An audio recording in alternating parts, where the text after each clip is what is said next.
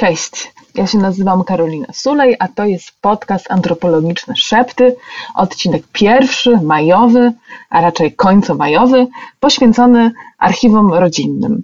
E, na e, podcast zapraszam wspólnie z pracownią Duży Pokój i Stowarzyszeniem Pracownie Etnograficzne oraz wydawnictwem Czarne, które wydało książkę, która będzie punktem wyjścia e, do naszych rozważań podcastowych i rodzinnych. Książka nazywa się Dzieci Kazimierza, a jej autorem jest Michał Garapich, który będzie jednym z moich gości. Moją gościnią, pierwszą, będzie zaś Marta Raczyńska-Kruk, etnolożka i antropolożka, która zajmuje się zagadnieniami genealogicznymi, zarówno zarówno można powiedzieć z autopsji badając, e, jak i e, jako naukowczyni. E, będziemy zastanawiać się, jak wygląda pamięć, kto ma nad nią władzę, co się cenzuruje, co jest budulcem mitu, w jaki sposób działają tutaj przedmioty, jak miejsca i w jaki sposób budujemy swoje tożsamości na poziomie lokalnym i tym bardziej makro dzięki naszym rodzinnym koligacjom. Zapraszam najserdeczniej na podcast. Chciała, chciałabym powitać w swoim podcaście Martę Raczyńską-Kruk, etnolożkę i archeolożkę, e, która jest na ostatniej prostej do ukończenia rozprawy doktorskiej poświęconej fenomenowi poszukiwań genealogicznych. Będzie się bronić na Wydziale Historii i o tej genealogii, która jest jej tak bliska, e, jak się później okaże, nie tylko w nauce, ale także w swoim życiu prywatnym, będziemy dzisiaj rozmawiać. Punktem wyjścia do rozmowy o tym fenomenie albo o tym zjawisku, albo czy o, tym, o tej konieczności, którą każdy z nas powinien e, jakoś prześledzić, jest punktem wyjścia mm, do niej książka Michała Garapicha, e, Dzieci Kazimierza, wydana przez wydawnictwo Czarne. Wiem, że ty, Marta, też miałaś okazję z autorem się spotkać. E, oczywiście. E, przy okazji, dzień dobry. Również ja się przywitam. Dzień dobry, no właśnie. Bo nie zdążyłam, ale dziękuję za przedstawienie. Tak, odpowiadając na pytanie, e, miałam okazję prowadzić spotkanie z Michałem w Krakowie, sporganizowane przez Stowarzyszenie Twoje Korzenie w Polsce, z którym jestem w kontakcie już od kilku lat. No myślę, że mm, spotkanie jak najbardziej wypadło super i, i ludzie, którzy przyszli, e, udzielali się w dyskusji, zadawali pytania, mm, opuścili e, spotkanie z taką refleksją, e, że, mm, że może warto spróbować, prawda? Że, że, że może to jest coś, co zwłaszcza dzisiaj, kiedy jest sytuacja taka, nie inna i wielu z nas jest no, zamkniętych w domach, kiedy my jesteśmy zmuszeni do tego, by się troszeczkę zatrzymać, no to jest okazja do refleksji, jest okazja do poszukiwań, jest okazja do dowiedzenia się czegoś więcej. A powiedz, jako naukowczyni, teraz już może trudno ci korzenie Twojego zainteresowania odnaleźć, ale jakbyś spróbowała się zastanowić y, i, i, cofnąć, nie wiem do jakiego miejsca, mhm. żeby mi wytłumaczyć, skąd się wzięła w Tobie ta wnikliwość, e, ta detektywistyczna pasja, żeby akurat korzenie, korzeniami, pochodzeniem, jakby tym drzewem genealogicznym, tak co czasem dręczą tym dzieci w przedszkolu, żeby, żeby tym się zacząć interesować i że, że tam jest ta antropologiczne złoto. To tutaj, żeby odpowiedzieć na to pytanie, to muszę się cofnąć do okresu gimnazjum. Tak myślę, że, że miałam może 13-14 lat. Nie mówiłabym tu tak konkretnie o drzewie genealogicznym, bo konstruowanie drzewa to kolekcjonowanie przodków, o którym ja często mhm. tak y, mówię, to jest troszeczkę inna sprawa niż samo zainteresowanie przyszłością, bo nie każdy ma takie przekonanie, że musi zebrać jak najwięcej, że musi dotrzeć jak najgłębiej w przeszłość. Y, czasami chodzi o E, skupienie się na biografiach pojedynczych osób i tak było w moim przypadku. Wychowałam się w domu, który ma około, czy miał wówczas około 150 lat, e, w którym mieszkało kilka pokoleń mojej rodziny, więc jestem tak jakby ulepiona z historii opowiadanych przez dziadka. E, tak. Bardzo związana z miejscem, z którym pochodzę, zresztą z Pałucką Gąsawą w powiecie żnińskim, więc myślę, że to zrobiło swoje. Nie budowałam drzewa, ja raczej pisałam historię spisywałam wspomnienia, mhm. podeszłam do tego od tej strony. No i później już, kiedy e, trafiłam na studia do, do Krakowa na do Instytutu Etnologii i Antropologii Kulturowej, gdzieś tam te wątki autoetnograficzne związane z, z lokalnością, z korzeniami, gdzieś to zawsze w moich zainteresowaniach powracało.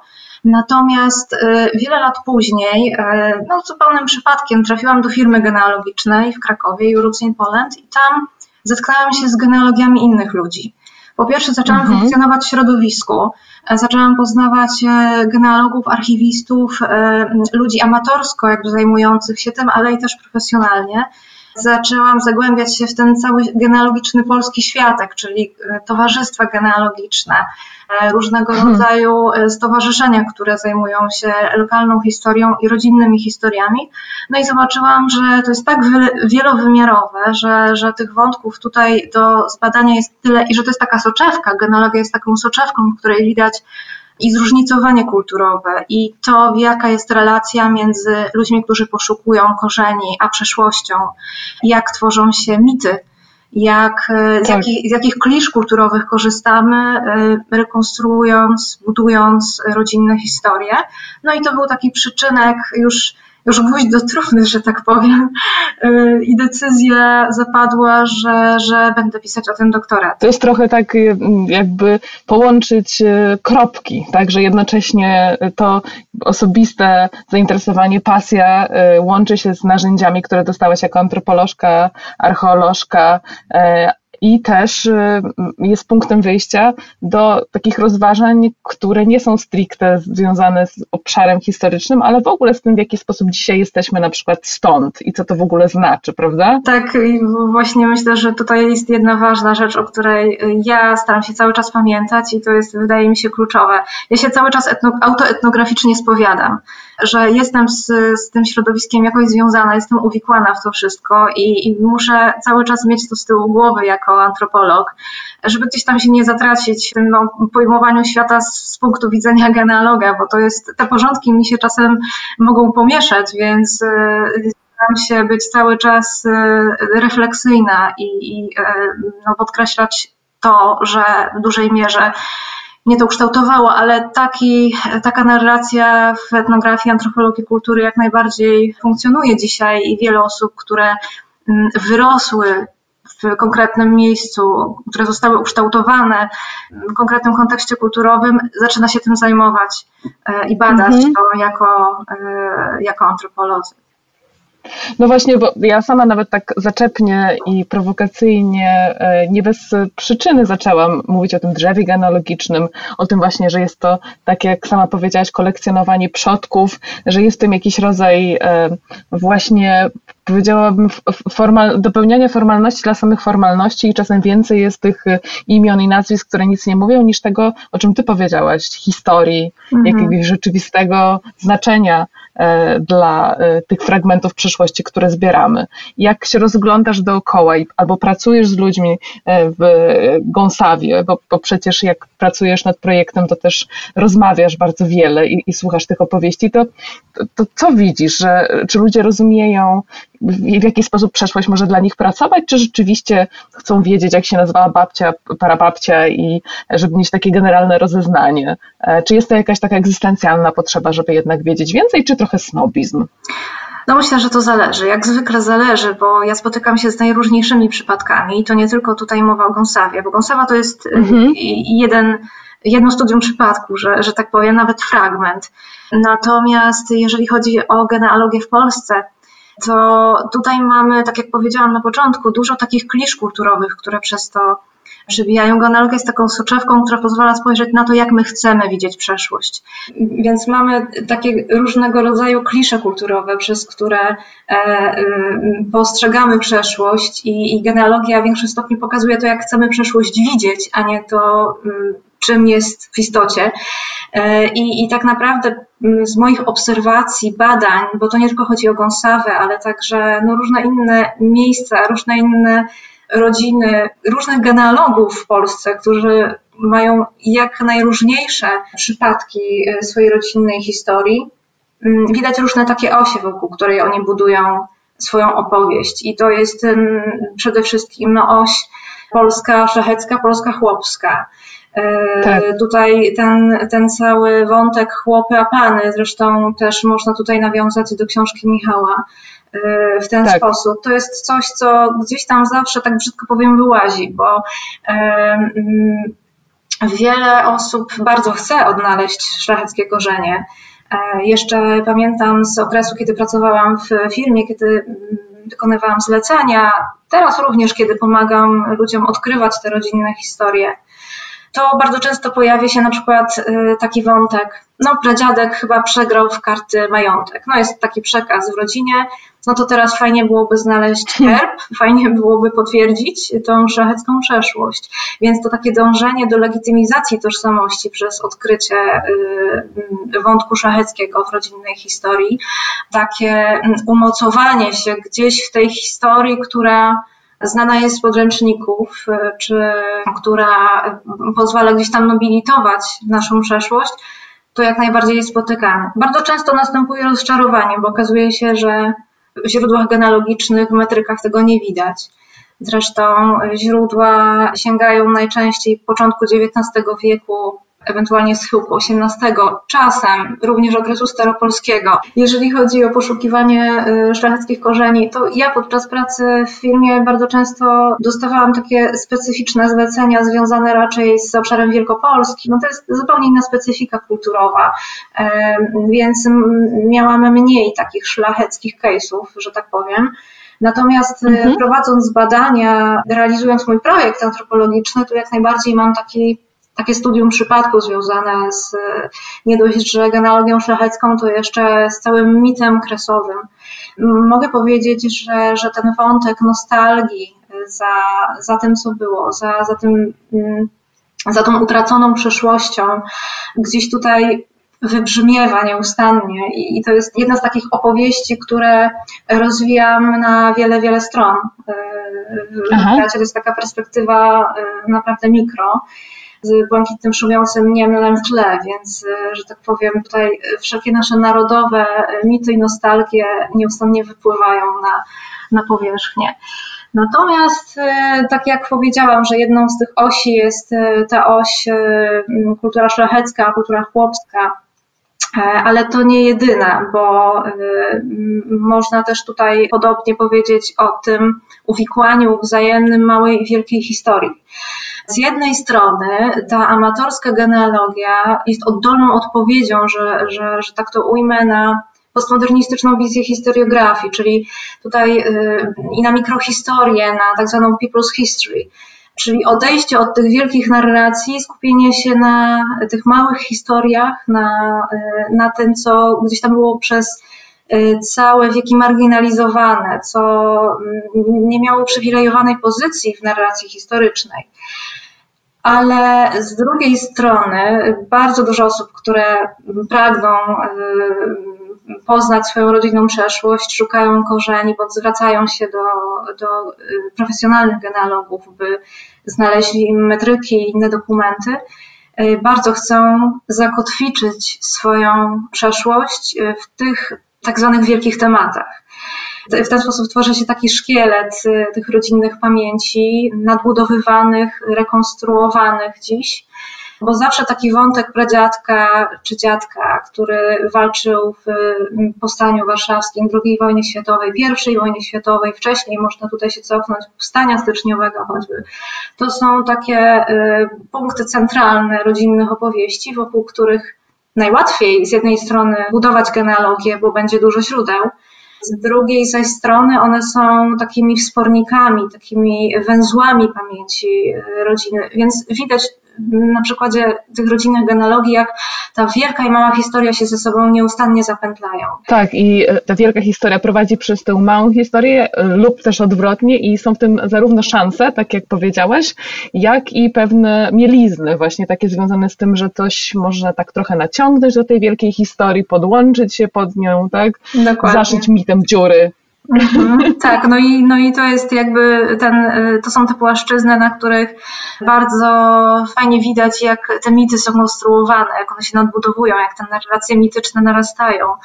Zresztą, no myślę, że tutaj tych takich opozycyjnych motywów można by wymieniać więcej, na przykład genealogia po mieczu, a genealogia po kądzieli te szlacheckie, y, dawne, jeszcze starożytne, średniowieczne genealogie y, były głównie genealogiami po mieczu.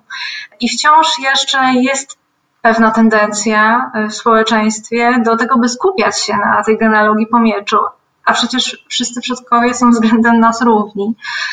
Tak więc no, można powiedzieć, że amatorska genealogia jest taką okazją do oddania głosu tym, którzy przez, przez całe pokolenia byli gdzieś tam marginalizowani, którzy z jednej strony, jeśli chodzi o, o płeć, bo o kobietach historia bardziej milczała, więc odkrywanie tej, tej przyszłości związanej z losami kobiet w rodzinie, to, to też jest bardzo fajny wątek, który dzisiaj dziś się też pojawia i mi nie wychodzi w badaniach. Kolejna rzecz, kwestia struktury zawodowej y, i, i, i takich kwestii społeczno-ekonomicznych. Chłopi, rzemieślnicy, drobne mieszczaństwo, to oni odzyskują głos, kiedy odtwarzamy, kiedy zrekonstruować czy skonstruować w gruncie rzeczy e, tą swoją opowieść o przyszłości. Mam czasem taką refleksję, zresztą bardzo e, fajnie tutaj e, moi rozmówcy dostarczają pewnych takich refleksji. Mogłabym zacytować jednego z nich. Powiedział, że mhm. on swoich przodków tak jakby zna z tamtego czasu taki cytat, który bardzo mi się spodobał i stwierdziłam, że przywołam go tutaj dzisiaj. E, zna ich z tamtego czasu, zadomowił się w tej przeszłości, poskładał sobie, pozlepiał ją sobie e, swoją własną opowieść i stali się oni bliżsi w ten sposób, bo przodek to taki bliski obcy, e, patrząc na to z, z, perspektywy etnografa. I myślę, że, że jeżeli potraktujemy przeszłość jako taki obszar, który no w gruncie rzeczy jest martwy, jest e, nieobecny, to, to każda nasza ingerencja jest takim przywoływaniem duchów. I to jest szereg e, przeciekawych, arcyciekawych, kulturowych kontekstów, które się z tego wyłaniają i myślę, że to jest powód, że zajęłam się tym jako antropolog. Tak, to jest, to jest szalenie ciekawe. Właściwie e, jak tylko zaczynam o tym myśleć, to mam kolejne pytania i kolejne wątki, no chociażby ten związany z cenzurowaniem przeszłości, konfrontowaniem mhm. się z dawnymi wstydami, e, traumami, których przecież w Polsce na pewno nie brakuje, e, szczególnie jak mhm. się zajmiemy tą historią bardziej prowincjonalną, mniej widoczną, krzyżujące się przeróżne społeczne konflikty, które miały miejsce przez cały właściwie wiek XX, to musi odciskać się jakoś na e, historiach rodzinnych i rodzinnych przeszłościach. I to jest jedna rzecz, która mi przychodzi do głowy. No a druga to, mhm. to na pewno też e, taki rodzaj e, zastanowienia się nad tym, właśnie co jest innością, a co jest nami, tak? Gdzie są ci swoi, a gdzie są ci obcy. Też taki bardzo polski problem. Bardzo, bardzo, więc spróbuję się tutaj do tego odnieść. Jeżeli chodzi o wiek mhm. XX w ogóle, wiek XX jest taką mm, jakby to powiedzieć. To jest czas bardzo e, problematyczny, jeżeli chodzi o to, jakie piętno odcisnął na tożsamości wielu z nas i na podejściu do odkrywania przeszłości w ogóle. E, mnóstwo tematów tabuizowanych, gdzieś tam spychanych w cień. Z jednej strony dotyczących pewnych kwestii mm, i społecznych, religijnych, etnicznych, a z drugiej strony, jeżeli zajrzeć pod e, strzechy domów, to są takie świeże historie pamiętane przez pokolenie tak. naszych dziadków, którzy często jeszcze żyją dziś. I e, dopiero kolejne pokolenie, nasi rodzice, my, dopiero otwiera się na możliwość zanurzenia się w tej przeszłości, a to pokolenie, które przeżyło II wojnę światową, choćby jeszcze pewne tematy są dla nich wciąż żywe i drażliwe. I to nie tylko, tak jak powiedziałam, dotyczy tych takich większych tematów, ale tych, tych y, ukrytych pod domowymi strzechami. Nieślubne dzieci, kazirodcze związki, samobójstwa. No, myślę, że prędzej czy później każdy, kto postanawia zanurzyć się w tą rodzinną przeszłość, na coś natrafi. I to, w jaki sposób informacja o takim znalezisku, o odkryciu y, rozchodzi się w rodzinie między pokoleniami, to jest y, kolejny bardzo ciekawy wątek z punktu widzenia antropologii, którym ja się stykam, bo jeżeli mowa o genealogach, amatorach naszego pokolenia, tych młodszych, już zdystansowanych względem przeszłości, to oni bardzo często opowiadają przeszłość swoim dziadkom. I to jest takie odwrócenie ról, z którym się zetknęłam. I, i, e, to ciekawe.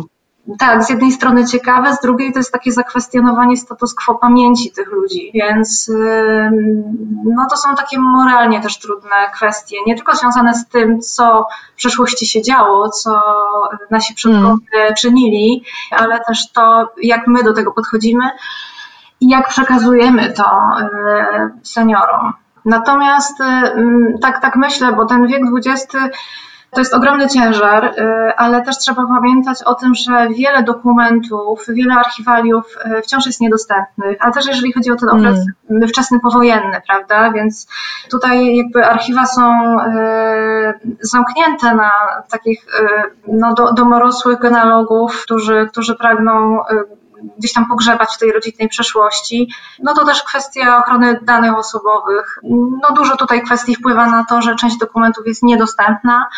Dlatego dla mnie na przykład y, poszukiwania genealogiczne związane z moją rodziną to głównie jest taki wiek XIX, gdzie już mhm. można swobodnie poruszać się y, wśród archiwaliów, które są y, powszechnie dostępne, do których każdy może sięgnąć i, i to już jest odległe, to już jest y, z tą patyną czasu, która mhm. oddaliła wszelkie kontrowersje i, i no, kwestie trudne, prawda? Y, ci, którzy pewne tematy tabu, tabuizowali, już nie żyją. Więc myślę, że to jest ta różnica między tamtym stuleciem, a wiekiem XX, który wciąż jest żywy, tak. Mm, pewne genealogie, na przykład genealogia żydowska stoi wiekiem XX, no bo tutaj mamy e, głównie kwestię Holokaustu, mamy drugą wojnę światową, ale to też jest, to też są e, tak mm, niesamowicie trudne tematy, e, że jest wyraźna cenzura między XIX a XX stuleciem dla mnie jako osoby, która się tą genealogią amatorsko tak. również zajmuje, ale bada ją z perspektywy antropologa, y, że to są dwa różne światy, dwa różne takie obszary, w których funkcjonują ślady, które możemy gromadzić i różny jest stosunek do tych śladów. Wiesz, pytam tak o to, bo mam wrażenie, że y, jesteśmy tak społecznie, jeśli chodzi o to, jakie są mody, do czego się nas zachęca, y, ukierunkowywani na tak zwany rozwój osobisty, budowanie marki osobistej nawet czasem, y, generalnie patrzenie w przyszłość i ta genealogia wydaje mi się, czy też patrzenie w przeszłość i szukanie tam tożsamości wydaje mi się takim odświeżająco terapeutycznym terapeutycznym nawet zajęciem. Tak, y, nie wiem, czy mogłabym rekomendować każdemu zajmowanie się swoją własną przyszłością, ale wydaje mi się, mm, że to pielęgnuje w nas tę taką fajną, e, zadającą pytanie jednostkę, a nie biorącą wszystko na wiarę, ale może się mylę. Jak, mhm. jak ty uważasz? Tak zmierzając do jakiegoś podsumowania, bo nie wszyscy będą mieć szczęście być naukowcami, e, naukowczyniami, tak jak ty. To znaczy tak, myślę, że przede wszystkim e, myślę, że rekomendować każdemu nie można i to też jest tak, że jeśli ktoś nie chce się tym interesować, to może drogi nie musi. Tym bardziej ja nie uważam, że to jest jakby taki klucz, prawda? Z drugiej jednak strony dobrze jest umieć spojrzeć na siebie przez pryzmat korzeni. Tak, y, odnosząc się tutaj do tego wątku terapeutycznego, to, to jeden z moich rozmówców bardzo y, ciekawie to ujął, że, że genealogia to jest takie chowanie się za historiami przodków, tak jakby chciało się gdzieś tam schować własną. Hmm. Wiele osób y, decyduje się na, y, jakby popada y, w taką genealogiczną obsesję, bo jest to bardzo wciągające zajęcie skądinąd i w ten sposób radzi sobie z własnymi problemami, z własnymi troskami. Pozwala to, to jakby odsunąć w cień pewne kwestie, które gdzieś tam ciążą w życiu. Więc jak najbardziej ta, ta, ta funkcja terapeutyczna tutaj jest widoczna. Natomiast jeżeli chodzi o, e, o, o spojrzenie gdzieś tam w głąb siebie, o poznanie własnych korzeni, to ja myślę, że no, z jednej strony dla mnie to jest taki paradoks, kiedy ktoś interesuje się historią, jest zafascynowany przeszłością, potrafi wymienić e, wszystkie bitwy, wszystkich dowódców, królów, tak. a nie zna swojego pradziadka. To jest paradoksalne. Nie mówię, że to jest dobre, nie mówię, że to jest złe. To jest, to jest w jakimś sensie e, po prostu paradoks. E, więc myślę, że na pewno w kontekście demokratyzacji pamięci i tego, o czym mówiłam, tego oddania głosu e, tym, którzy gdzieś tam przypadli w otchłani historii, to jest jak najbardziej no, to ciekawe, potrzebne zjawisko, tak, tak, tak mogę to, tak. ująć. I z perspektywy jednostki, nas i odkrywania tożsamości, poszukiwania jej, myślę, że to też pomaga znaleźć zrozumieć gdzieś tam swoje miejsce w tym wielkim chaosie. Zwłaszcza, tak. że tak w tych warunkach teraz epidemii, to, to tak myślę, że można zmierzając ku końcowi ten wątek jeszcze przywołać. Dużo osób po prostu zaczyna mieć na to czas. I ja tak mogę z własnych mm. obserwacji, doświadczeń powiedzieć, że na przykład taki fenomen przenoszenia do mediów społecznościowych, zwłaszcza Facebooka, e, małych ojczyzn, czy tych, tych, tych, tych światów z przeszłości, e, które, o których pamięć jest tak silna, że tworzy jakieś podwaliny wspólnotowości i tam gromadzą się ludzie i stawiają pamiątki rodzinne, publikują fotografie, i tak dalej, to, to też jest taki przyczynek do refleksji na, nad tym, że nawet w takich warunkach się da i jest to potrzebne, bo ludzie to robią.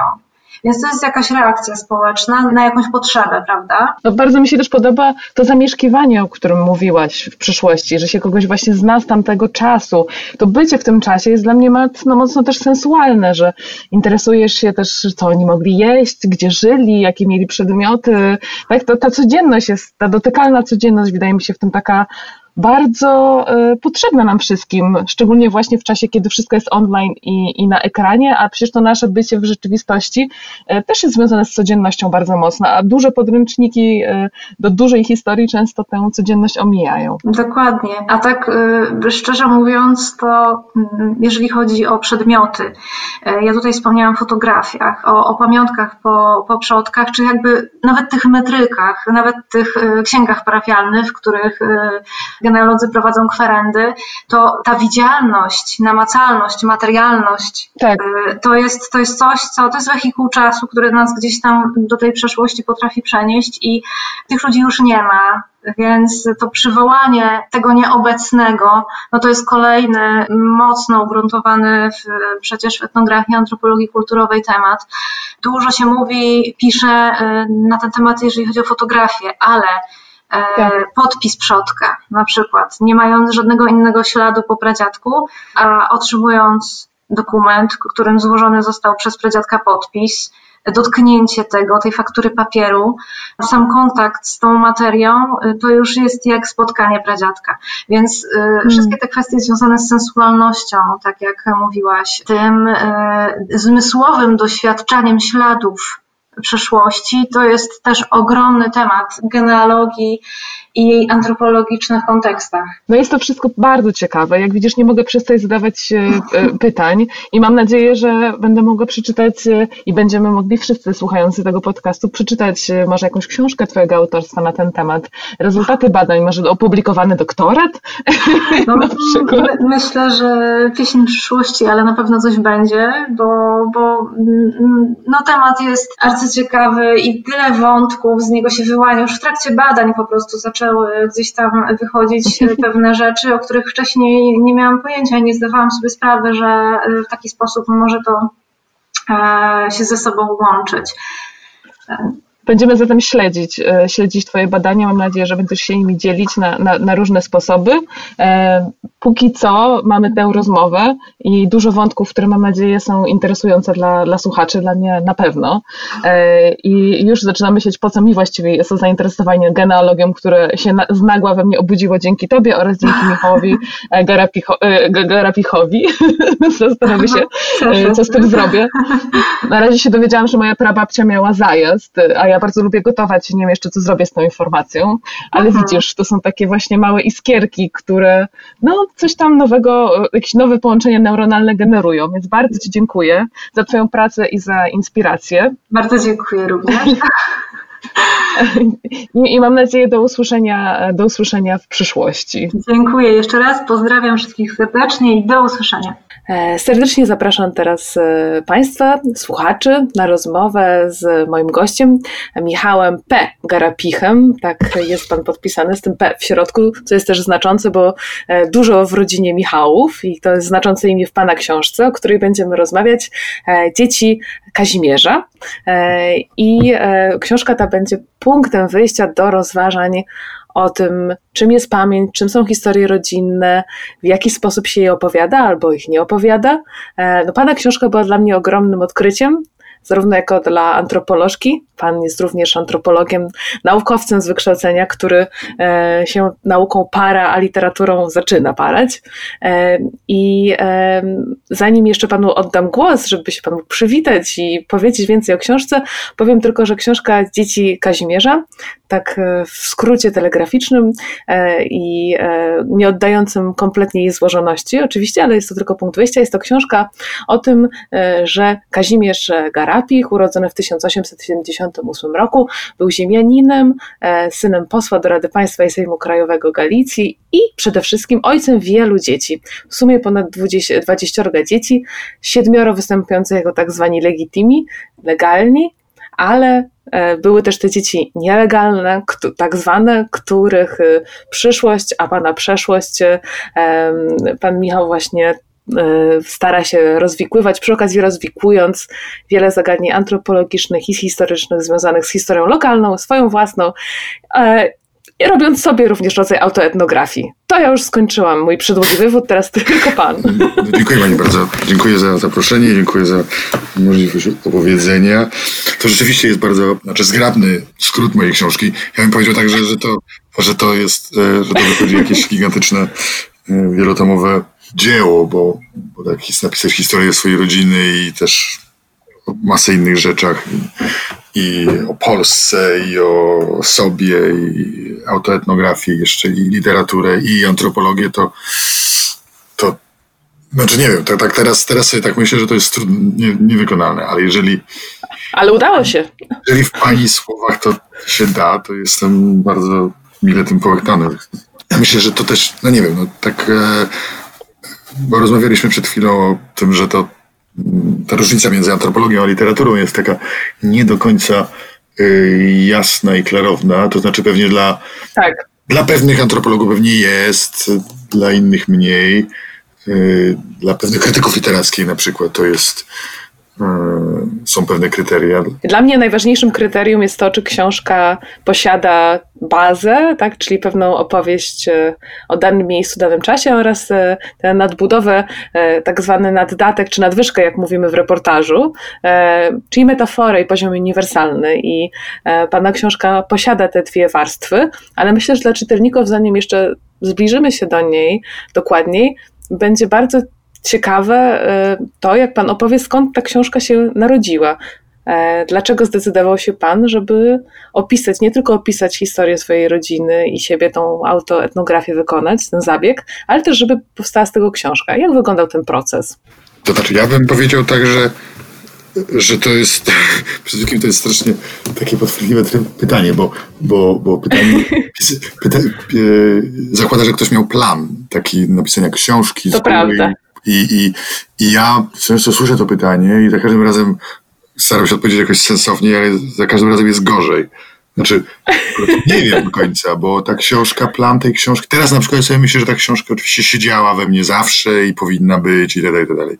Natomiast kiedy sobie uzmysłowiłem, że wezmę to, co przeżywam, to, co zebrałem, to, co wiem, to, co myślę, to, co czuję w, książkę i napiszę z tego 300 stron, tak. czegokolwiek, ten pomysł się zrodził w sumie dosyć późno, to znaczy to już y, w sumie po wielu moich jakichś poszukiwaniach, czy po pewnych wydarzeniach, które opisuję w tej książce, współczesnych wydarzeniach, prawda, bo mm, tak podpowiadając, myślę, że czytelnik może y, uznać to za zachętę, bo, bo książka nie jest tylko o przeszłości, ale też o teraźniejszości i o tym, że opisuje pewne tak swoje przygody. Tam jadę do tej wsi na Ukrainę, tak. ponieważ mój prezydek nie miał grobu, bo gdzieś tam znaczy Sowieci go rozstrzelali, czy tam zabili i nie wiadomo, gdzie był pochowany.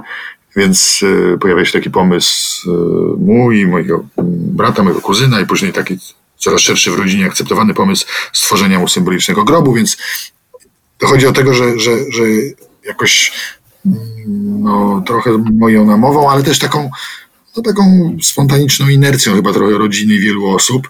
Spotykamy się w tym Cebrowie pięć lat temu. Potomkowie różnych tych gałęzi, prawda? Czyli i ci, e, którzy 100 lat temu mieli rubrykę w metryce, że są ślubni, i ci, którzy mm, i potomkowie tych, którzy mieli to nieszczęście, że w tej rubryce mieli napisane, że są ilegitimi. No i tych, ci potomkowie się spotykają, znaczy wiedzą o sobie, bo myśmy mówili też, ja też mówiłem, ja generalnie rozpowszechniałem tą wiedzę taką kanałami rodzinnymi, prawda, przez maile, czy na spotkaniach, czy na jakichś imprezach, więc tak teraz mogę, muszę się wytłumaczyć trochę, dlaczego generalnie no, pisanie książki o rodzinie ma swoje oczywiście miny i doły i e, problemy i tak dalej, i tak dalej. Ja znam takiego znanego polskiego pisarza, zresztą laureata e, Nike, który mówi, że on nigdy o rodzinie nie napisze po prostu. To jest w ogóle tabu. W ogóle to no way, bo, bo, bo wiadomo, że, coś, że ktoś się obrazi.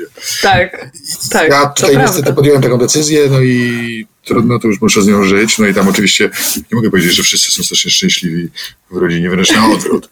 E, tylko tak. po prostu też miałem wrażenie tak, że ktoś może odnieść takie wrażenie, że ja to zmanipulowałem, że specjalnie pewnie myślałem o tej książce już 10 lat temu i postanowiłem taki jakiś makiaweliczny plan sobie ułożyłem, że zrobię coś takiego i, i, i -hmm. doprowadzę po to, żeby to opisać potem. Nie, nie, ja na pewno takie nie miałem myśli. Natomiast wszystko to utrudnia fakt, że piszemy dla siebie, piszemy dla czytelników, piszemy do bardziej czy mniej prywatny.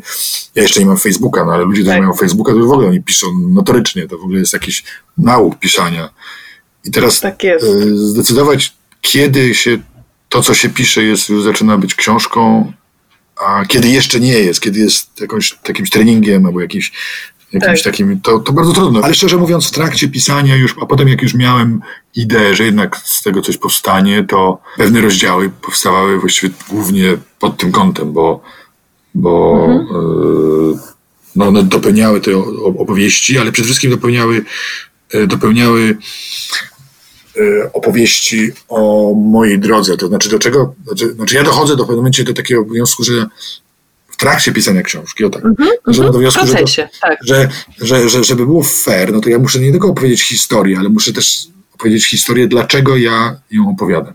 Czyli może dlaczego właśnie piszę książkę znaczy możemy to nazwać autoetnografią. Znajomy psychoterapeuta uważa, że to w ogóle właśnie taki podręcznik do terapii. No, no, myślę, że to jest takie pytanie, które, no nie wiem, no, każdy piszący może sobie zadać, prawda? No, to prawda. Pani też to sobie prawda. zadała pytanie, dlaczego pani się zainteresowała akurat zagładą, czy modą, czy nie wiem. Oczywiście. Ja nie, nie, nie żądam odpowiedzi teraz, ale, ale yy, na pewno jakieś teorie na ten temat pani ma. Mam, mam oczywiście, niektóre są właśnie psychoanalityczne i e, uważam, że te narzędzia terapeutyczne czasem się przydają, e, żeby swoją własną, ale też cudzą literaturę analizować, bo powiedziałabym, że pan w pewnym sensie właśnie wydobył na wierzch to wyparte. Wyparte przez pana rodzinę, wyparte przez w ogóle tak zwaną wielką historię, która się często nie pisze przysłowiowym chłopem, tak, nie, nie, nieślubnym dzieckiem i, e, i wszystkim, co do szlachectwa nie pasuje, a, a pan właśnie mówi, że to jest to brakujące, że to jest to, że, żebyśmy mogli być zdrowi, tak, w pewnym sensie i się scalić, żeby widzieć siebie w pełni. Więc to jest taka praca, e, no w tym sensie terapeutyczna, to się zgadzam z pana kolegą tutaj. To pytanie, dlaczego właśnie y, książka i jak powstał ten pomysł jest bardzo trudne. A jednocześnie też wracam do tego pierwszej, tej pierwszej odpowiedzi takiej, mhm. że no, no tak jak pewnie każda osoba pisząca sobie w pewnym momencie zdaje sprawę, że nosił tą historię w sobie i ona tak naprawdę tak. była zawsze. I, i, i no paradoks polega na tym, że te historie, które tutaj opowiadam, one są yy, wielu, wielu, wielu członkom mojej rodziny bardzo dobrze znane i, i, mhm. zresztą opowiadam o tym, prawda, że ta, ta historia, oczywiście część taka fragmentaryczna, czy historia mojego tak. Kazimierza, ona funkcjonowała jako taki bardzo specyficzny, ciekawy mit. I, i ja tak, po prostu od dziecka, ja już nie pamiętam kiedy pierwszy raz usłyszałem, ale musiałem słyszeć to od dziecka, od bardzo małego. I gdzieś tam to ziarno wtedy było z, zasiane, a, a ponieważ też oczywiście nawiązuje do mojego dzieciństwa i, i do różnych rozstań, i rozdarcia, pęknięcia tak. w rodzinie i tak dalej, które jest doświadczeniem mojego dzieciństwa, no to, to no możliwe, że, że ta historia Kazimierza mnie jakoś tam wtedy ujęła, ale, ale bardziej ujęła to, że tam właśnie mówiło się, że była jakaś taka anonimowa masa tych jego potomków, który, mhm. którzy na, na zdrowy rozum są biologicznymi krewnymi, ale społecznymi jakimiś obcymi, prawda? Jakimiś tak. ufolutkami obcymi, o których w ogóle. Yy, albo takimi właśnie. Znaczy, znaczy, po to się tworzy takie ogólne kategorie, właśnie yy, chłopi, bastardy, nie wiem, nieślubni, jakby oni, tak. tak dalej. To już nie jest tak. tam y, y, stryjek Staszek, czy, czy ciocia Mela, czy tak. Wujek Janek. Nie, nie, to są właśnie takie byty dosyć mętne. Aczkolwiek to wszystko jest bardzo skomplikowane, no bo jak pani wie, tam niektórzy z mojej rodziny też mieli takie, taki ambiwalentny bardzo stosunek do tego. Mhm. No, bardzo wydaje mi się ciekawy ten, e, ta relacja między tym kategoryzowaniem i szufladkowaniem losów ludzi, tak, mhm. czy ich statusów, a jakby realną znajomością z tymi osobami, troszczeniem się o nich e, byciem z nimi właśnie w jakiejś biologii, w jakimś e, nienazwanym sojuszu, który jest jednak nazwany jako, jako coś właśnie, co nie ma prawa się zetknąć ze sobą. Jakby to, to nieustanne spieranie się tego właśnie, jak kultura nam każe nazywać i dzielić, a tym, jak do siebie lgniemy jako ludzie. To mhm. jest dla mnie bardzo poruszające w tej książce. Dziękuję, dziękuję bardzo. bardzo dziękuję, bo to tak też, też yy, dotykam takiego... No ja zresztą nie odpowiadam na wiele pytań, prawda, w tej książce. To tam jest dużo może, zapewne, mhm. pewnie. Tak. Albo, natomiast y, tutaj, no cała ta sytuacja była po prostu już tak emocjonalnego punktu widzenia porąbana, bo, bo, bo mhm. generalnie to kategorie, które kultura nam narzucała, wtedy narzucała, kazała rozdzielić tak. coś, co jest bardzo takie głębokie w nas, prawda? Czyli poczucie ojcostwa, tak. braterstwa, siostrzeństwa. I tutaj nagle ojciec był przez konwenans zmuszany do tego, że prawie jednemu synowi daje po prostu wszystko, a, a, a drugiemu to jest wszystko. Znaczy wtedy, no, prawda? Daje nazwisko, władzę, status, tak. e, już nie mówię o wykształceniu i majątku i daje spadku, a drugiemu daje tam te trzy morgi i krowę. I, i, e, i teraz tak, bo to jest pytanie bardzo uniwersalne, uniwersalność emocji. E, hmm. Oczywiście częsty zarzut jest tutaj taki, że nie możemy przekładać tych ocen dzisiejszych na wtedy. Wtedy to było wiadomo, taki był konwenans. Mm, facet miał majątek, miał dzieci na boku, wiadomo było, że jedne dzieci są lepsze, drugie gorsze. To było oczywiste, prawda, że jedne dzieci dostają więcej, tak. drugie, drugie mniej. E, co z dzisiejszego punktu widzenia jest skandalem i prawnie w ogóle nielegalne. Natomiast e, no i zarzut jest taki, że to dzisiejsze oceny w ogóle tam nie przystają. Natomiast nie wiem, ja może dlatego, że to moja rodzina, może dlatego, że gdzieś tam podskórnie czuję, sam jestem ojcem i, i sam wydaje mi się, że pewne emocje związane właśnie z takimi tymi najbardziej podstawowymi, archaicznymi emocjami związanymi z naszym byciem ojcem, synem, bratem, siostrą, matką itd., tak itd. Tak są tak pierwotne, że one są uniwersalne.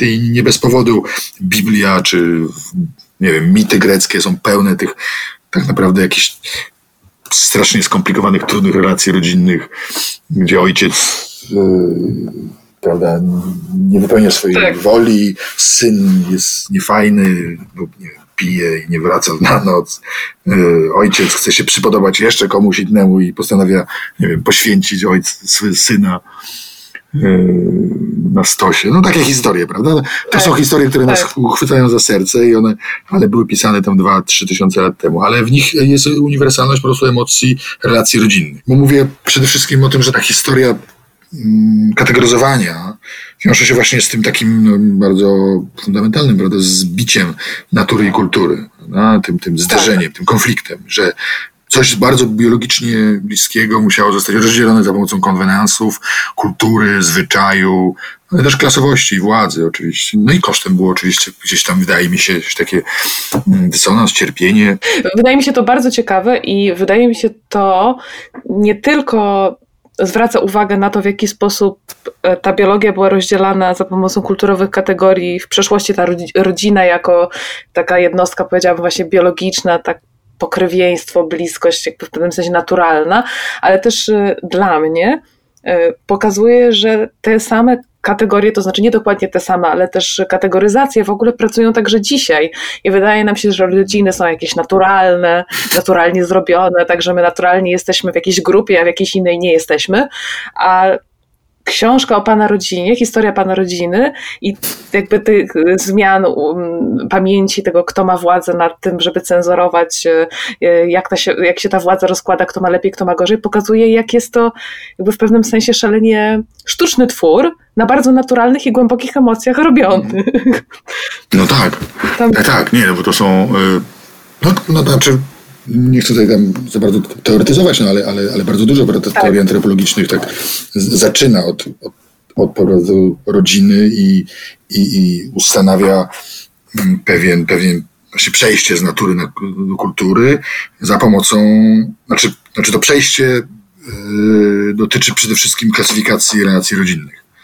Yy, tak, I że tam, dokładnie. prawda, to co, yy, nie wiem, jeszcze nasz krewny szympans i, czy, czy, czy tam nie wiem, australopitek miał pewnie, nie, nie, nie miał dużo pojęć, żeby określić relacje pokrewieństwa w stadzie, no to tak. gdzieś tam na pewnym etapie kultury już na pewno nie wiem, neandertalczyk już na pewno, no, znaczy jak ci ludzie, którzy mieli język, na pewno musieli z, z, jednak już to pojęcie szwagra miało tutaj tak. pewnie swoje tak, chodzenie, tak. albo e, nie wiem, praciotka i generalnie kuzyn, czwartego kuzyna z, po, od strony matki i tak dalej. To jest, żartuję, ale teraz ale natomiast jednocześnie pamiętajmy, że te struktury pokrewieństwa, ponieważ należą do kultury, one są, one są narzędziem też tworzenia grupy, ale też wykluczania, tak. prawda? I, I, też tak, narzędziem dokładnie. takiego, no bo wiadomo, no w pewnych kulturach stryjek jest jakimś w ogóle nie wiadomo kim, a w innych kulturach stryjek jest ważniejszy od, zresztą wujek,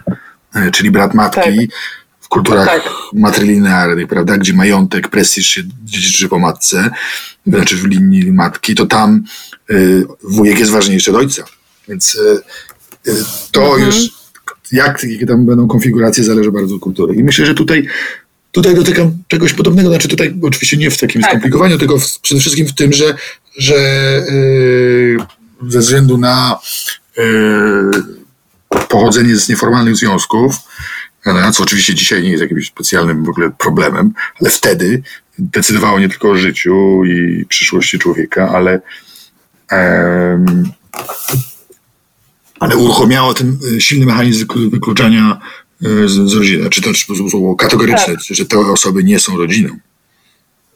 Tak, no mnie się to wydaje bardzo poruszające, bo, bo też to widać w Pana książce i, i ten mechanizm w ogóle bardzo zawsze mnie porusza, że po to, żeby została utworzona jakaś rodzina, wspólnota, grupa, często musi się inna grupa otworzyć, musi się zrobić miejsce, tak? Na przykład ktoś emigruje z jednego miejsca na drugie, tak jak pana rodzina z Chorwacji mm emigrowała, tak jak wiele osób dzisiaj migruje e, i w ogóle od zawsze gdzieś migruje jakaś część populacji, żeby się mogła stworzyć nowa mhm. jednostka, jakaś ogólna, a potem ta grupa nagle zapomina o tym, że skądś jest i że ktoś się musiał otworzyć na nią i się tak zamyka i już właśnie nie chce obcych, e, tworzy właśnie te różne zasieki i że to jest jakiś mechanizm naszego bycia w świecie, e, który jest bardzo okrutny, mhm.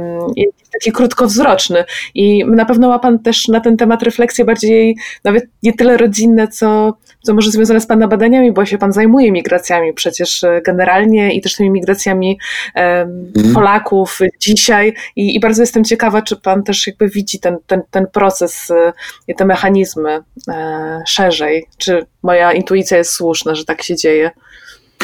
Tak, tak, no na, na pewno ma pani, ma pani słuszność. Tutaj yy, to, się, to się dzieje na przeróżnych poziomach, prawda, bo, bo to otwarcie E, się na, na nowość, czy na, na migrantów, prawda, i ma przeróżne, znaczy różne jest, różne są rodzaje drzwi, które się otwierają, prawda, jedne są bardziej dostępne, inne mniej, także to, to y, gdzieś tam taka absolutna, żelazna, kategoryczna ksenofobia y, no, no, jest taką w sumie rzadkością w historii ludzkości. No, gdzieś tam oczywiście y, no, no, no, po prostu ludzie migrowają i, i migrowali i będą migrować e, do końca świata.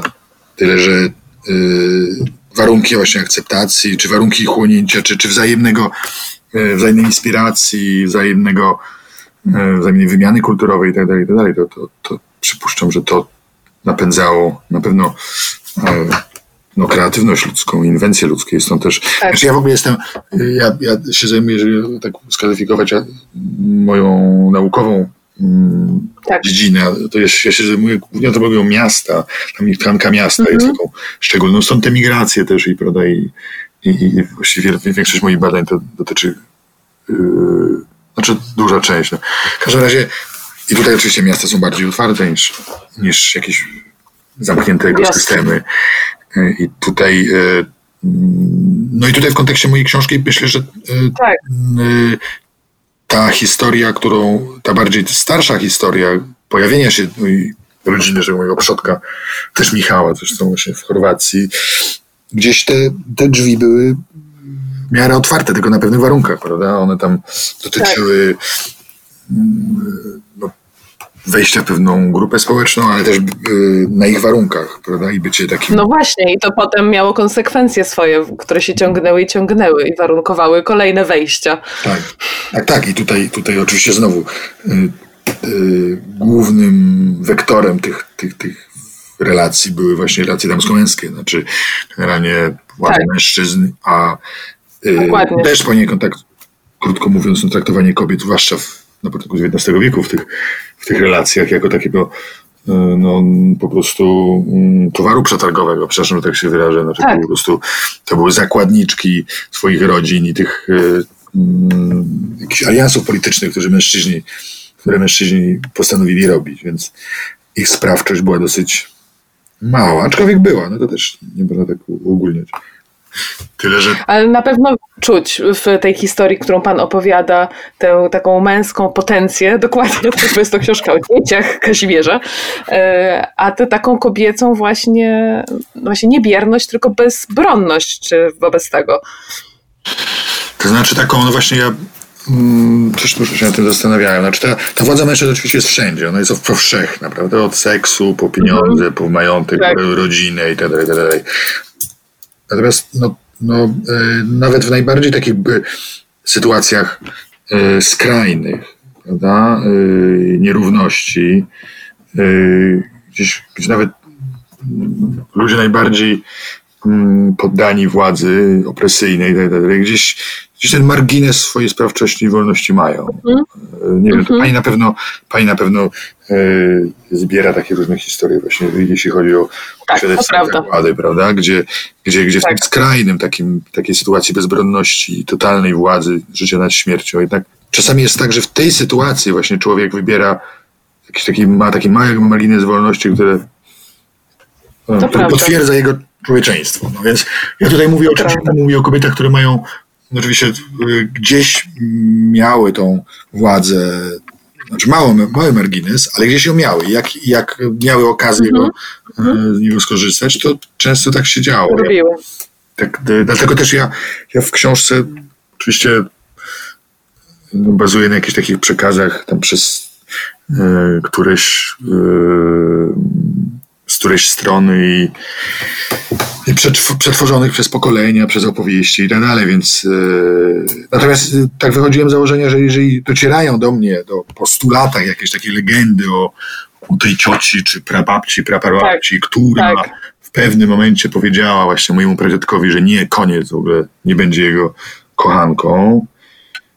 Mhm. I ten taki prosty gest, taki zwykły gest, no, który, znaczy zwykły, nie, niezwykły gest, no ale a jeżeli on do, do, mnie dotarł, to znaczy, że coś w nim jest i coś i, i warto y, z niego upleść y, bardzo ważną historię, bo to mm, więc y, no bo te, te, te, momenty buntu były rzadkie, ale jak były, to one Znaczące. Mhm. I one dlatego docierają do nas, że, że, że, że ludzie tak. opowiadają o nich właśnie jako jako świadectwie, że jednak nie byli tak do końca stłamszeni, i mogli się postawić władzy, mogli, e, mogli się zbuntować. Na tej samej zasadzie do nas, tak. prawda, współcześnie dotarły do nas legendy tam o, nie wiem, Robin Hoodzie, czy o, o jakichś e, prawda, o kłusownikach na przykład, nie, o tajnych bractwach kłusowników, którzy, którzy tam działali w średniowieczu w Europie, którzy generalnie się nie zgadzali z tak. konwencją, że las i jelenie i zające należą do pana, tylko oni uważali, tak. że należą do wszystkich. Tak, jest to zdecydowanie świetna historia o emancypacji, oczywiście. E, nie tylko tej genderowej, ale też tej klasowej, e, no, takiej jednostkowej również. No, opowieść o tym właśnie, jak w obrębie tych kategorii, o których rozmawialiśmy, jednak negocjować własny los, mhm. albo zmieniać te kategorie, e, zmieniać ich definicje, rozszerzać pojęcia. To jest rzeczywiście mm, przez to, że jest to historia opowiedziana tak blisko ludzi, blisko ich codzienności, blisko ich przedmiotów, e, blisko ich okolic, taka bardzo sensualna, to przez to tym bardziej mam wrażenie ta ich e, e, walka, tak, może nie walka, ale negocjacje tych, tych kategorii są tym bardziej poruszające, bo gdyby to była taka opowieść podręcznikowa, naukowa, może nawet tylko, a bez, tego literackiego, zmysłowego e, podglebia, to, to może by się to trudniej przyswajało, a tak to naprawdę jest bardzo takie, no właśnie, wnikające na, na różnych poziomach. I to jest piękne w tej historii też, żeby nie umknęło to naszym słuchaczom, jak ona jest właśnie bardzo bliska człowieka, tak? To nie jest praca na Dziękuję. pojęciach. Nie, nie, dziękuję Tylko bardzo. na życie. Tak, tak, no, tak, no bo właściwie to chodzi, dotyczy głównych, głównie no, takich e, bardzo nas przez całe życie zajmujących kwestii, czyli po prostu e, miłości i śmierci. No, seksu Dokładnie. i umierania, no więc Dokładnie. generalnie tak, tak z, z, dalszej perspektywy to nie wiadomo, co by nas zostanie, no ale będziemy pamię będą pamiętać, że prawda, e, byliśmy, kochaliśmy, i, i, a potem umarliśmy. No, więc, no ale to już tak mhm. nie chcę, nie chcę tak trywizować, tylko y, wydaje mi się, że to y, nie no, bardzo dziękuję, to pani tak ujęła. Na pewno, to znaczy słucha naukowość y, tych wszystkich tych kwestii też byłaby nieuczciwa wobec mnie jako autora, bo, no bo tak jak mówię, ja zadaję sobie pytanie, po co, dlaczego ja tam tak, tak. co mnie tam, to po prostu, co, co mnie e, wessało w tą historię, bo, e, no bo była to dla mnie zagadka tak naprawdę. Tak naprawdę nie do końca wiedziałem, dopóki pewne mhm. rzeczy sobie nie przemyślałem. Poza tym naukowość bardzo często służy, czy, czy ten blicht naukowości, właśnie odsunięcie się od tematu i patrzenie zimnym e, właśnie spojrzeniem, e, bardzo często służy raczej emocjonalnemu takiemu zdecydowaniu się, znaczy udawaniu, że, że, że tak mm -hmm. nie, nie zajmuje. Ja wiem, że często to jest celowe, i czasami to jest słuszne, prawda? Ja, pani, na pewno, tak. pani na pewno to zna ze swojego doświadczenia z literatury mm, zagłady powojennej, prawda? Tej, tej, tej pisanej tuż po. E, tak. Gdzie, e, gdzie to była piekielna, trudna praca dla tych ludzi. I często takie emocjonalne zdystansowanie się, czy pisanie na sucho było jedynym sposobem. To prawda, ale znam też wiele tak. Z wiele świadectw, które łączą tę e, suchą naukowość właśnie z osobistym przeżyciem. I to są takie prace trochę naukowe, a trochę świadectwa. I to jest zawsze najtrudniejsze oczywiście. A tuż po, po zagładzie, tak? Tak, tak, tak, tak. E, natomiast tutaj w mojej książce ja uważam, że znaczy to byłoby nie, nieuczciwe, znaczy po prostu nie, robienie z tego naukowego traktatu, który operuje teorię. Ale ja się bardzo cieszę, że to nie jest naukowy traktat i uważam co więcej, że takie hybrydy, hybry, hybrydyczne formy mhm. są właśnie najciekawsze, bo pokazują jednocześnie formę, jedną i drugą, e, i jakąś prawdę w tych szczelinach i nie przypadkiem w ogóle mówię o tych szczelinach, bo uważam, że to jest też książka właśnie o graniczności, o liminalności i o tym, co wyziera z pomiędzy właśnie tych różnych szufladek, kategorii, e, szczelin między życiem a śmiercią. Poczęciem właśnie, e, a życiem i tak dalej, tak, że, że o tym jest ta książka, o tym, co chyba w antropologii się nazywa potwornością, mhm. a potocznie może też to ktoś tak określić w sumie. No tak, bo to jest taka, jest, strasz, nie wiadomo. jest strasznie niepokojącego w tym egzystencjalnie, tym, tym takim tak. szczelinie między kategoriami. Czy właśnie w tym. Tak. Ja, dlatego też te, te, te opisy e, tych, tych sytuacji, które nie są, nie są już życiem, a jeszcze nie są śmiercią, takie właśnie temu trochę poświęcono, bo to jest taki bardzo, bardzo atrakcyjny temat. E, tak, e, tak. Ale też dla wszystkich, prawda? Bo gdzieś tam mamy świadomość, że między życiem a śmiercią coś jest. Bo jednak i, jedno i drugie jest, jest, jest, jest takim no, dosyć płynnym bytem, można powiedzieć. Natomiast mhm. Nie, no ja dziękuję, że Pani to wychwyciła, bo to też yy, jakoś tak yy, mam nadzieję, że odbija się trochę w formie książki, bo, bo, bo mhm.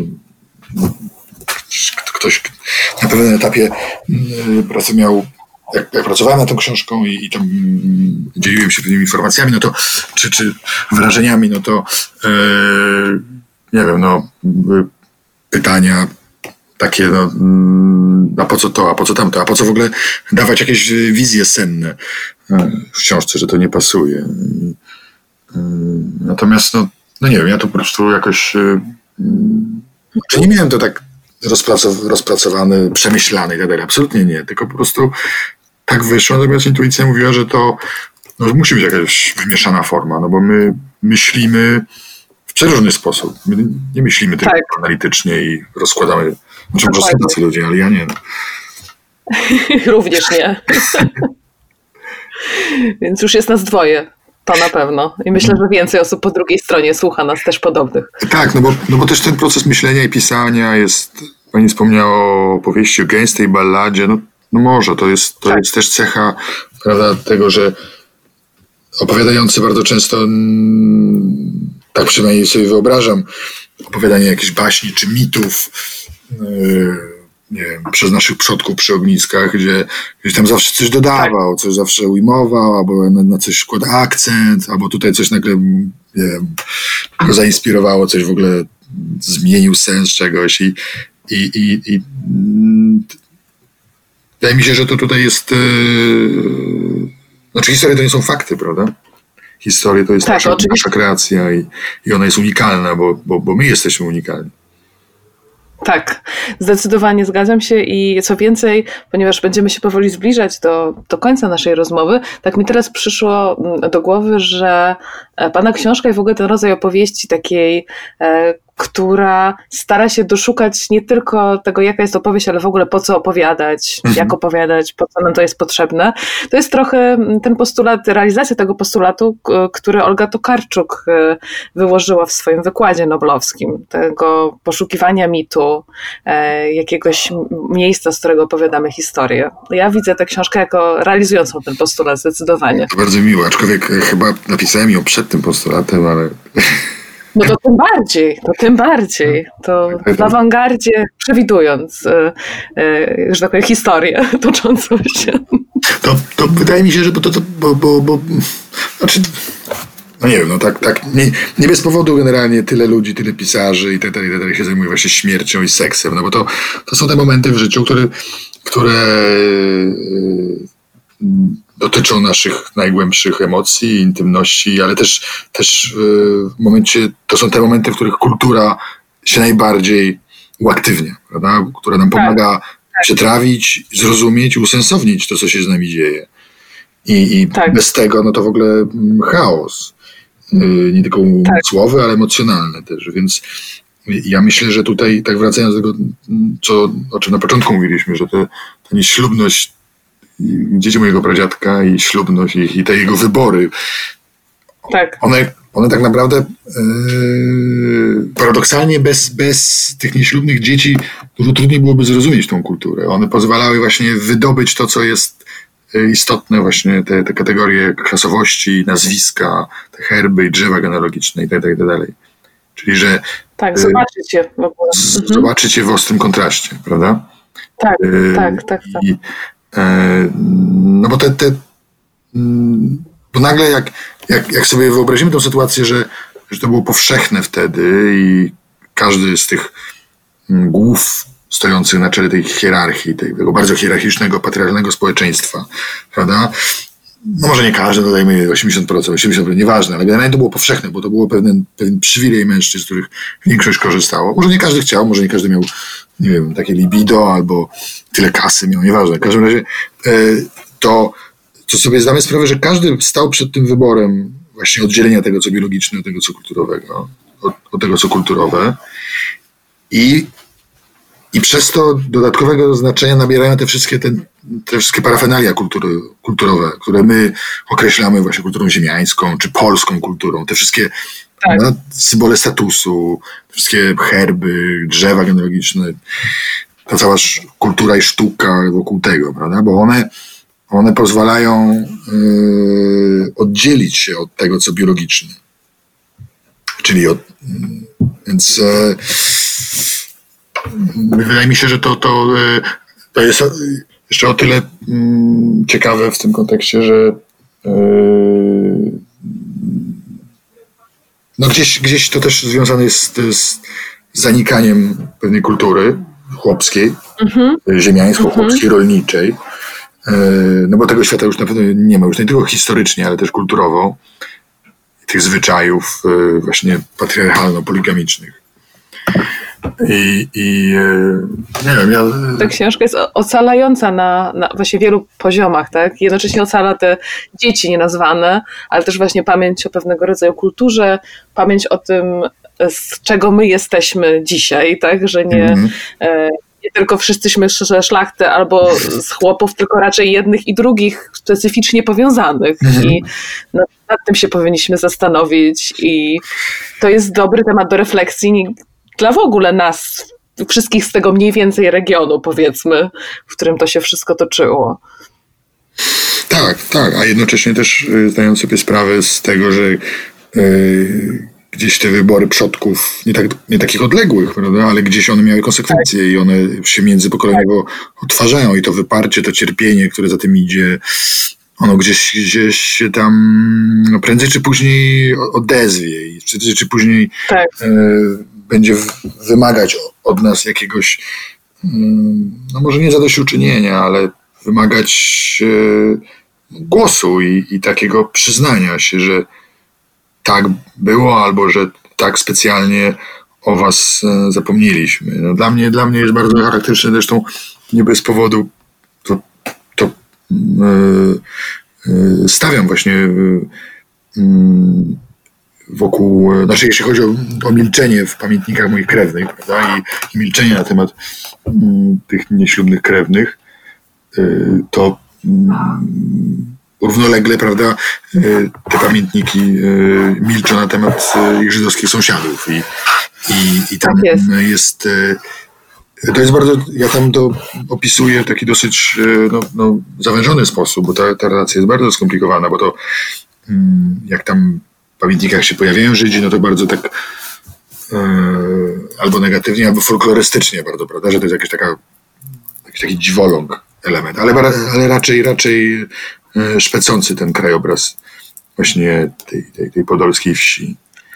Tak, no jest tam dużo właśnie takich opowieści dążących e, do jakiegoś e, właśnie uporządkowania i też takie, które zaburzają ten porządek i, i myślę, że nie będziemy ich wszystkich zdradzać. Oczywiście, nie, nie, jest jasne, jasne. Tylko ja mówię o tym, że, że yy, tak.